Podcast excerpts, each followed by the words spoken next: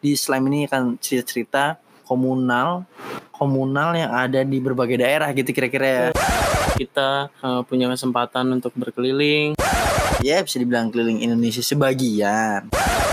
Banyak sekali narasi lokal yang berkembang, bergulir dan ide-ide yang sangat luar biasa menginspirasi kami secara pribadi.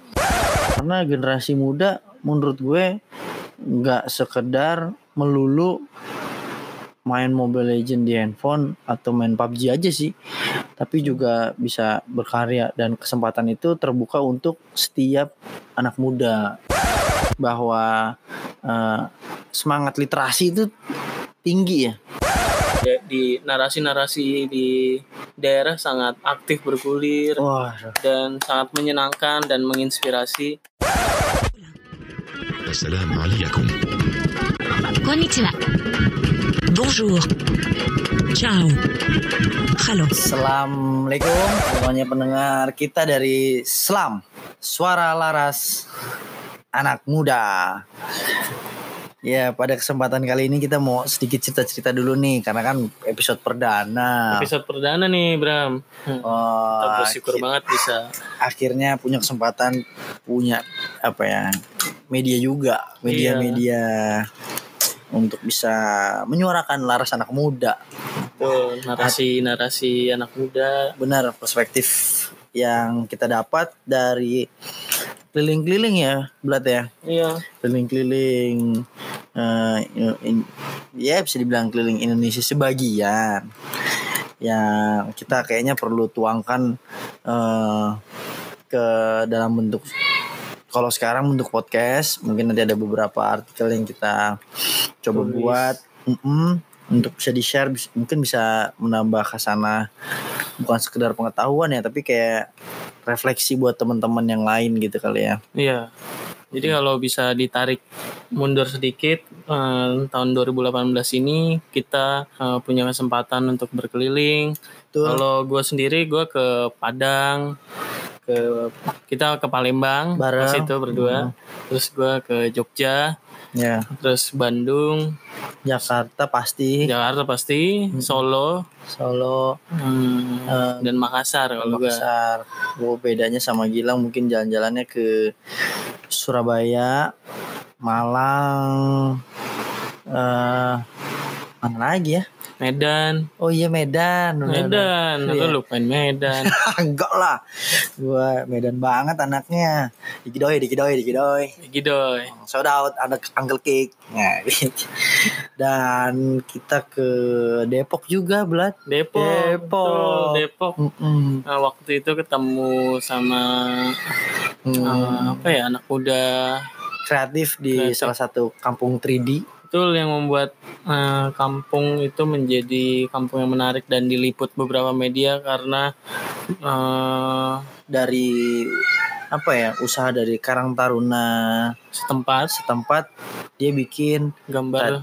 gambar yang 3D 3D terus di tembok di jalan ganggang mereka. Hmm. dan jadi berwarna ya Heeh, banget. kampungnya dan banyak dikunjungin oleh gratis lagi. Gratis nah itu. Benar. Dan sekedar info sekarang mereka lagi coba untuk tanam hidroponik. Hidroponik. Jadi mereka tuh punya satu apa eh, tempat sebagian untuk parkir mobil, sebagian lagi tuh ada kayak gazebo gitu. Itu kalau menurut gue bener nih Blat. Menurut gue itu sebenarnya kayak bentuknya tuh mm, collective space. collective space Iya, Hmm. karena untuk umum terus mereka bisa beraktivitas eh, diskusi juga dan melahirkan ide-ide. Gue rasa tuh kampung 3D lahirnya dari ide-idenya tuh muncul dari nongkrong-nongkrong itu, Blat. Betul. Oh, menarik banget ya melihat mereka um, berkegiatan gitu, Banget, berkumpul. Bener. Dan kita nggak bisa salahin juga kalau misalnya awalnya dari main Mobile Legend dulu. Betul, karena Mobile Legend kan hiburan bukan ya. Iya. Habis Itu kan Mungkin dari situ baru, kok masih kita main mulu nih, kita bikin karya dong. Nah Betul. gitu. Mungkin habis itu baru bergulir jadi bentuk diskusi lanjut hingga eksekusi dalam bentuk kalau di kampung 3D dia bikin gambar-gambar. Dan sekarang tanam hidroponik, Blat. Iya. Nah, Itu keren banget. Itu keren banget. Nah, itu baru di Depok dan satu komunitas atau Iya. satu komunal lah. Nah, kita kan mau di slam ini kan cerita-cerita komunal komunal yang ada di berbagai daerah gitu kira-kira ya. Betul. Banyak cerita-cerita menarik yang kami dapat dan kami dengar eh, dari kawan-kawan kami di daerah-daerah yang kami kunjungi kemarin. Banyak sekali narasi lokal yang berkembang, bergulir dan ide-ide yang sangat luar biasa menginspirasi kami secara pribadi Eh, yang mungkin eh, apa ya? Yang nggak mungkin kayak kita cuma kita simpen doang. Betul harus kita kita, harus share. teruskan, harus kita Benar-benar. Bagikan buat eh, teman-teman sekalian yang Siapa tahu jadi yang tadinya nggak ada ide terus jadi kepikiran mau buat apa. Iya. Sama pun juga nggak apa-apa. Syukur-syukur bisa bikin karya baru. Iya. Lebih keren lagi jadi ajang silaturahmi ya. Maksudnya wah keren juga tuh. Kita ke sana yuk belajar habis itu pulang bikin karya. Akhirnya mereka jadi kolaborasi gitu misalnya. Hmm. Wuh, kolaborasi. Bener bener bener karena apa ya karena generasi muda menurut gue nggak sekedar melulu main Mobile Legend di handphone atau main PUBG aja sih tapi juga bisa berkarya. Dan kesempatan itu terbuka untuk setiap anak muda iya eh di sebelum kita oh ya jadi di Slam ini nanti kita akan ketemu beberapa orang terus kita akan wawancara langsung. Eh, bentuknya akan seperti itu dan cair gitu. Dan di sela-sela beberapa episode ke depan kita akan sampaikan opini-opini kita kali terhadap Iya. apa yang kita temuin gitu. Mungkin yang paling eh, apa dekat dan saat ini yang paling gatel banget di depan pikir di depan mulut dan di dalam pikiran. Mungkin kita mau bahas tentang eh, ini. Berita bahwa eh, anak muda sekarang senengnya yang digital. Iya digital. Padahal kalau kita Padahal. temukan di daerah-daerah betul. eh, mungkin teknologi itu hanya sebagai alat untuk mereka berkumpul ah ya benar-benar untuk menciptakan suatu gagasan dan pergerakan Iya, tapi core-nya sebenarnya adalah eh, apa ya? Masih mengandalkan pertemuan langsung. betul berkumpul beraktivitas bersama-sama Iya, iya, iya. Ya. eh, kolektif Mm-mm, banget, banget, banget. Jadi, jadi aneh tuh ya kalau yang bilang eh ya sosial media menjauhkan yang dekat, mendekati yang jauh tuh gimana tuh, Blat? Eh, menurut gua eh, mungkin kurang relevan kali Kurang relevan. jika berarti. ditarik ke pada pertemuan-pertemuan kita ya. bahwa banyak kok yang eh, akhirnya eh, nggak melulu soal digital jadi memang benar-benar mungkin teknologi sebagai alat untuk mereka berkumpul Iya iya iya, cuman sebagai uh, fasilitas mau manggil teman-teman gitu kali ya. iya Iya. Ujungnya untuk kopi darat, untuk ketemu, untuk diskusi langsung gitu. Dan untuk menyebarkan informasi aja kali ya. iya Begitu begitu.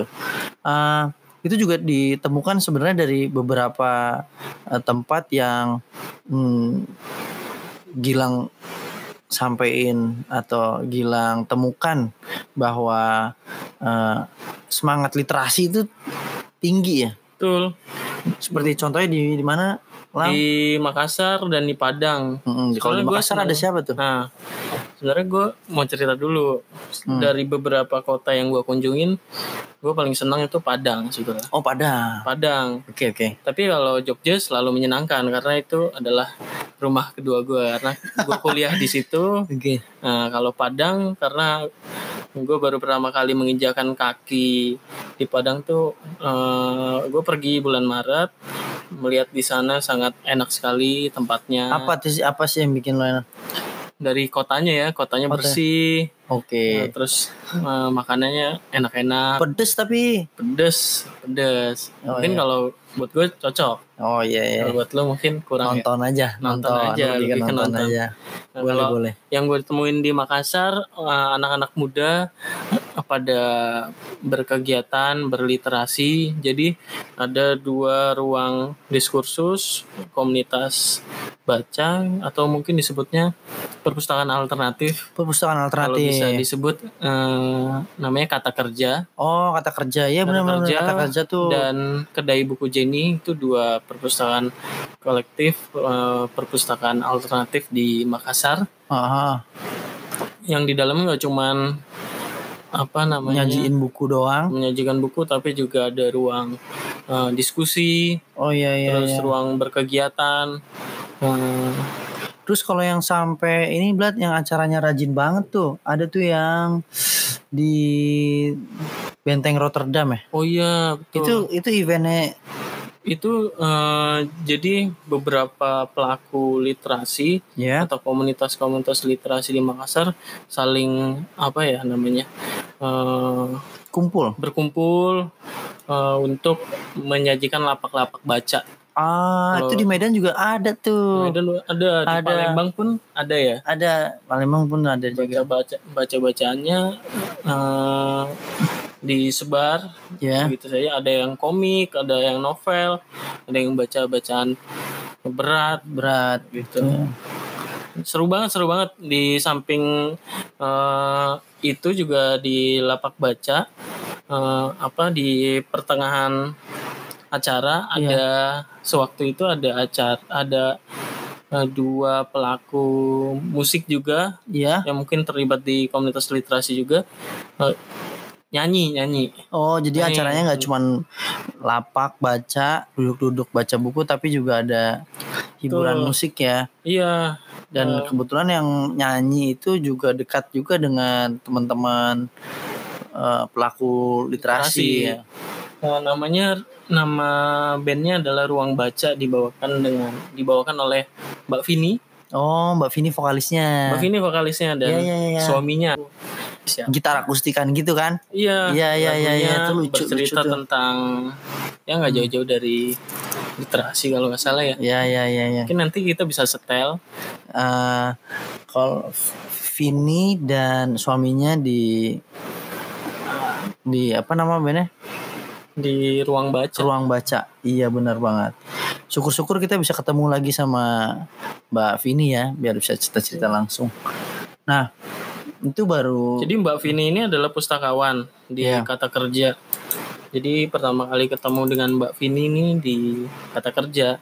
Lalu dia eh, waktu itu eh, janjian lagi untuk eh, kami diundang bisa datang ke lapak baca di Rotterdam itu. Kita waktu itu dikasih izin, ya. izin dari yang nulis adalah pelaku-pelaku literasi di Makassar. Wow. menarik sekali melihat mereka berliterasi mungkin eh, orang orang banyak kebanyakan media menganggap bahwa eh, Muda-mudi, muda sekarang ha. tuh jauh Lebih suka dunia buku dengan Hmm. dunia literasi tapi kalau kita lihat di Makassar kultur literasi itu sangat kuat ya ya ya. Nah, semacam kayak festival menulis di Makassar pun sangat masif di sana Mungkin kalau teman-teman di Jakarta dengar kata festival tuh deketnya nih sama eh, food festival festival atau enggak clothing clothing Nah, sama hiburannya band gitu Band. kali ya. Cuma bedanya kalau ternyata di daerah festival literasi pun bisa mendatangkan banyak pengunjung gitu kira-kira ya. Animonya besar. animonya besar di Makassar Iya iya iya. sangat sangat membuat inspirasi kepada saya terutama karena melihat mereka yang sangat semangat berkegiatan berliterasi bersama-sama menghadirkan lapak baca untuk masyarakat umum di Iya, iya. Rotterdam. Jadi orang kalau mau tahu sebenarnya kita bisa aja ya ini yang diomongin siapa sih gitu bisa aja langsung buka aja Instagramnya gitu ya cari ruang baca gitu atau kata baca. kerja gitu Tak kerja Siapa tahu Instagram. pada mau jalan-jalan ke Makassar Betul. habis ke apa namanya jalan-jalan Benteng Rotterdam Sari terus bingung mau ke mana mungkin menambah wawasan tentang Makassar itu sendiri bisa datang Betul. ke Mereka pun sangat terbuka iya iya iya eh, dan langsung aja. iya langsung aja kunjungin. Sama kedai buku Jenny kalau mau dicek di Instagram. oh itu juga ya Hmm. Kalau di Padang juga sama. Jadi kami menemui shelter utara. Itu Hmm. juga perpustakaan kolektif. Nah, Ladang sebelum Rupa. sebelum ke Padang, gue pengen ini ini Blad Eh, kasih dengar dulu eh, lagunya Ruang Baca.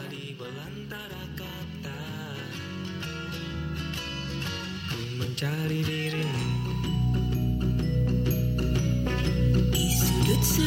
kota selepas bekerja Ku rebahkan lelah membaca pramudia Di sudut-sudut kota. Ku mencari dirimu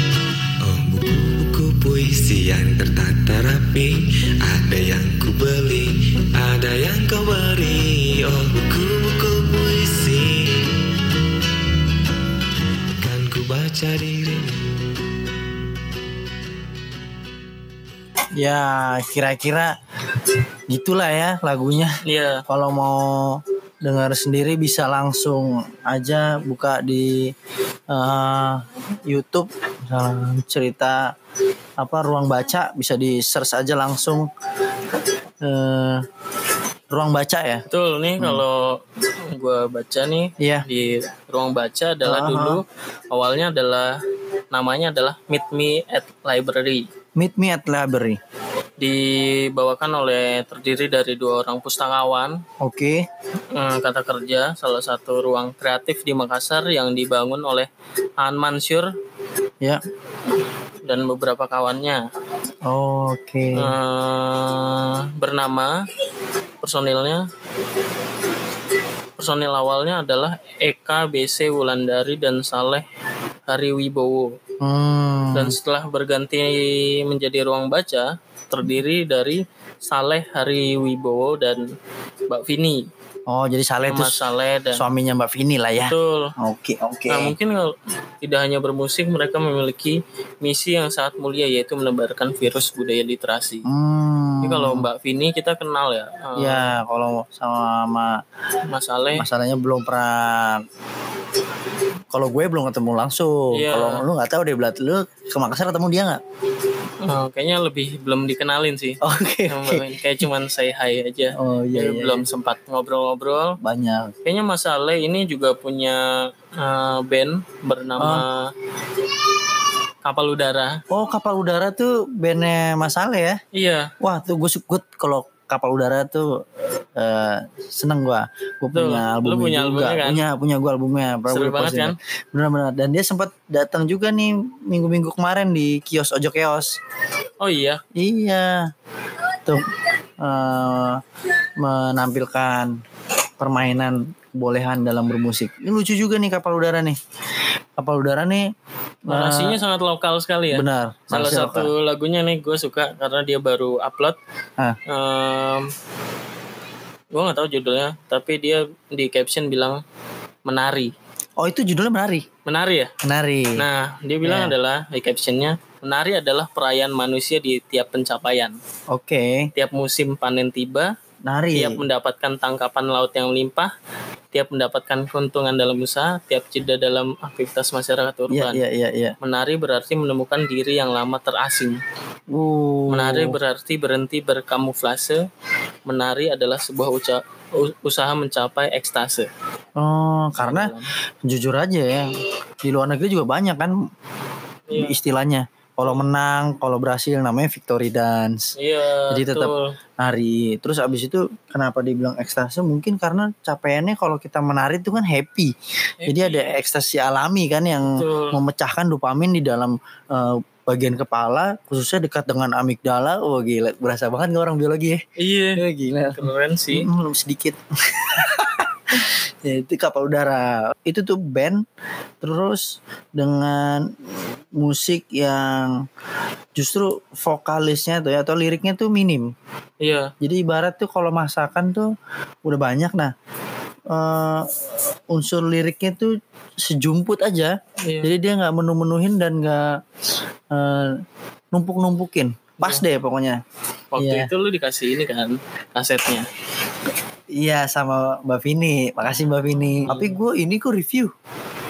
Review kan lo? Review. Review. Mm-mm.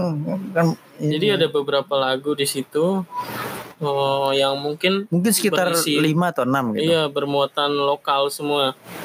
Jadi ada kalau gue nggak salah nih ada menanam, Nana, menari, me, apa lagi gitu ya. Pokoknya pokoknya me, me- semua deh gitu dia. Asik banget, asik banget. asik banget. Lu mesti cari. Mungkin bisa dicari di Google kali. Eh, bisa di Bukalapak, Tokopedia atau berapa mungkin bisa kali tuh. Ada tuh. Album Iya. warna biru lucu banget isinya eh selain CD ada eh apa ya? Semacam postcard gitu sih. Oh iya, Gambarnya Oh, iya, ada, ada ilustrasi-ilustrasi lucu gitu. keren. Gemes banget sih. Eh, itu baru Makassar tuh Baru Makassar. dan belum ketemu langsung.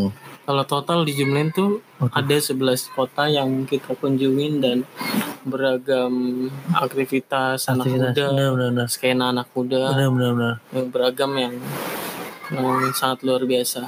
Menginspirasi. Nah tadi kalau mau lo cerita di Padang ada apa Blat? Di Padang ada namanya Shelter Utara. Shelter Utara. Shelter Utara eh, dia adalah satu kolektif juga yang dibangun oleh anak muda. Kalau Iya. kemarin gue ketemunya sama Cho dan eh, Andini. Andini. Guru ya, guru Andini ya. gue di situ gak nanya sih. Oh. Tapi kalau dilihat Instagramnya dia adalah guru. Oke. Guru di Shelter Utara banyak narasi-narasi lokal eh, juga bergulir. Tidak Ya. hanya apa sebagai perpustakaan alternatif, Ya. juga ada ruang untuk berdiskusi, eh, untuk berkegiatan Iya. yang sangat masif di sana. Dari ruang eh, apa namanya? Ruang nonton juga di sana. Oh, kayak Apa sebutannya ya? eh ibaratnya tuh kayak diskusi film gitu kali Betul, ya. diskusi belum- film. Iya. Jadi diskusi-diskusinya sangat menarik misalnya eh, mengangkat isu-isu yang kontekstual dengan kota setempat, Ah, betul betul betul. eh, Melawan isu asap gitu kali ya. Melawan asap, iya melawan asap, Isu-isu yang dekat. asap, betul. Terus isu-isu daerah yang sangat kontekstual buat anak muda di sana. Iya. Jadi Selain- anak-anak muda yang lain tuh eh, awareness-nya apa ya? Senggol gitu. Jadi dia Iya, melek. setidaknya. banget di sana. Oh, ramai banget anak-anak muda nggak cuman anak-anak muda lintas generasi pun saling berbaur iya iya. anak SMP juga ada orang tua Oh. juga ada Oke oke oke. untuk saling hadir di situ selain Iya. itu juga gue nemuin ini nih Apa tuh? namanya ladang rupa Ladang rupa. ladang rupa adalah suatu kolektif Ya, eh, seni yang bergerak di bidang seni berarti nih. Iya, nah di situ ada kawan kami namanya kalau kemarin gue ketemunya sama Bang Ogi, Bang Ogi. Til, Bang Ogi dan Bang Bang siapa? Wah, lu cepet lupa. Bang lu Rian. nih. Oh, Lupa. Bang Rian. Maaf, Bang Rian. Tapi bukan Rian The Massive kan? bukan Hmm. maaf nih Ya namanya juga berusaha nginget ya kan. Kita nggak ada yang tahu. Ladang Rupa adalah forum dan ruang alternatif pengembangan seni dalam ranah tradisi dan kontemporer dan Kontemporer. kontemporer. Jadi di sana mereka punya banyak buku, hibahan buku-buku dan apa arsip-arsip dari ini seniman Usman Effendi. Wah canggih. Canggih, canggih, canggih. Ngeri, ngeri, Dia ngeri. punya ru- tempat Yes. di ladang rupa nggak hanya berkesenian pameran yang dilakukan tapi mereka juga berkebun Oh, jadi Mana seperti paket komplit ya. Hmm, Jadi abis hiburan mereka juga aksi dalam apa ya dalam bentuk berkebun. Jadi komunikasinya itu juga sama alam ling- dan lingkungan gitu ya. betul Nggak sama ladang walaupun rupa. jauh ya jadi awal pertama gue ketemu sama Bang Rian Iya. itu di kampus cuman gue lupa nama kampusnya apa di salah satu kampus di Padang Iya. jadi eh, karena base eh, ladang rupa itu di Bukit Tinggi Ya.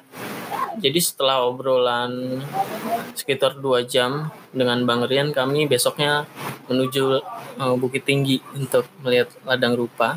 Oh my god. Sekitar tiga jam kami tempuh dengan menggunakan travel.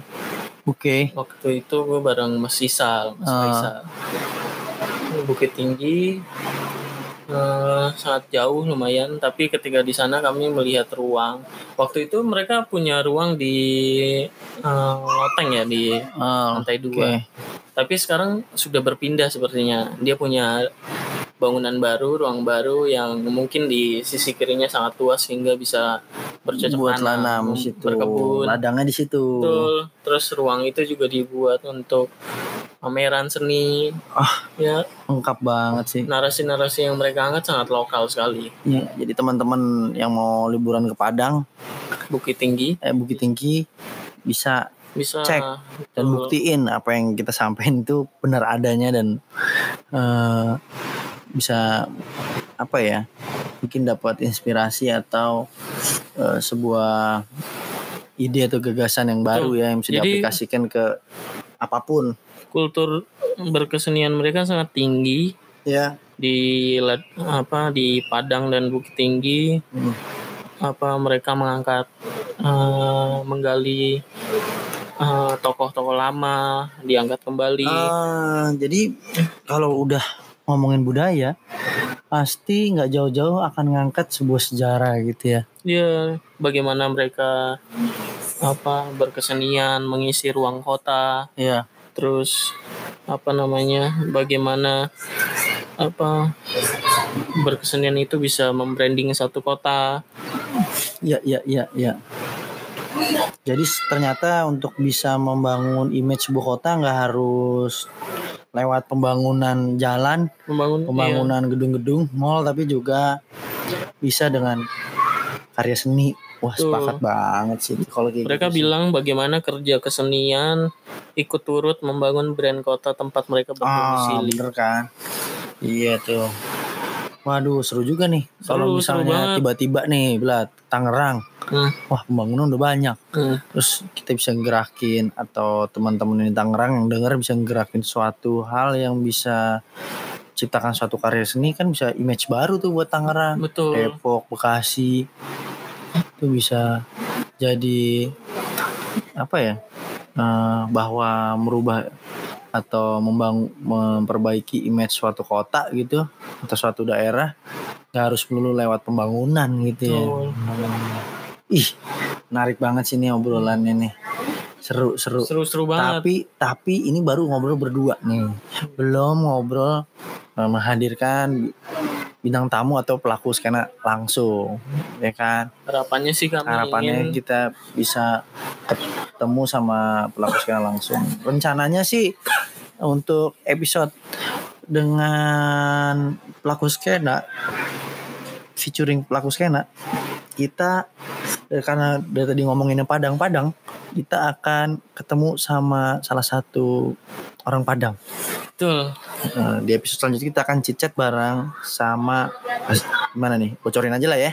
Coring ya. Oke, Eh, udah. Uh, Iya. ngomong udah udah, eh, Iya. udah tahu deh pasti orang dari mana. Udah Rijal Tanmena. dari Jaltan Manan adalah waktu itu gue ketemunya di nih, satu warung kopi dekat museum Oke, warung kopi dekat museum nih. Boleh, boleh, boleh. Terus, terus, ini terus. apa ya gue lupa gitu Heeh. waktu itu gue janjian sama Uda Uda tuh hmm, sangat baik sekali ya Ya, Uda Rizal itu mungkin sekarang kami menganggapnya Abang. Boleh ya bang Uda Bo- bang apa udah nih Bang udah.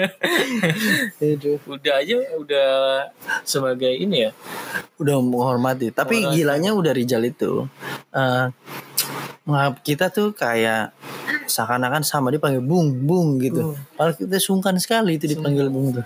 Uda Rizal ini uh, adalah Memiliki- etnomusikologi Iya, backgroundnya etnomusikologi. Etnomusikologi dia berkecimpung di Dunia musik tradisional musik tradisional dan budaya. budaya Ya. Nah, jadi kalau teman-teman penasaran, pengen tahu eh, cerita tentang etnomusikologi, skena yang dia bangun, teman-teman semua mesti dengar episode berikut ya. betul Nah, jadi untuk episode kali ini kita akhiri dulu sebagai tapi episode kalau- pembuka.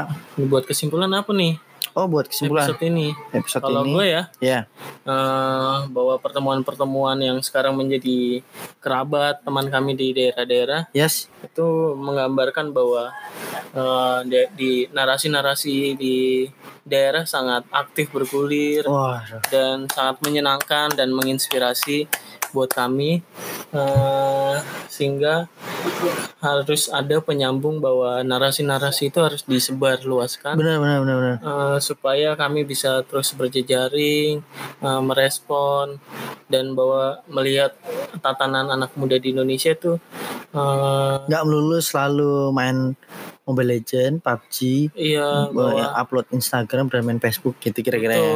Ternyata ada banyak sekali anak-anak muda di daerah yang eh, Perlu diangkat angkat dan benar-benar menginspirasi. betul memiliki narasi-narasi yang luar biasa, pergerakan-pergerakan yang luar biasa, bawa warna baru. warna sebenarnya. baru. Betul. Betul, betul, betul.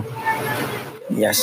Untuk kesimpulannya tadi dari Gilang udah panjang, udah jangan Udah ya? ditambahin lagi dari gue. Nanti gue merusak kesimpulan yang Gilang buat gitu. Untuk para pendengar, teman-teman semuanya harap bersabar, sabar. Ini bukan ujian.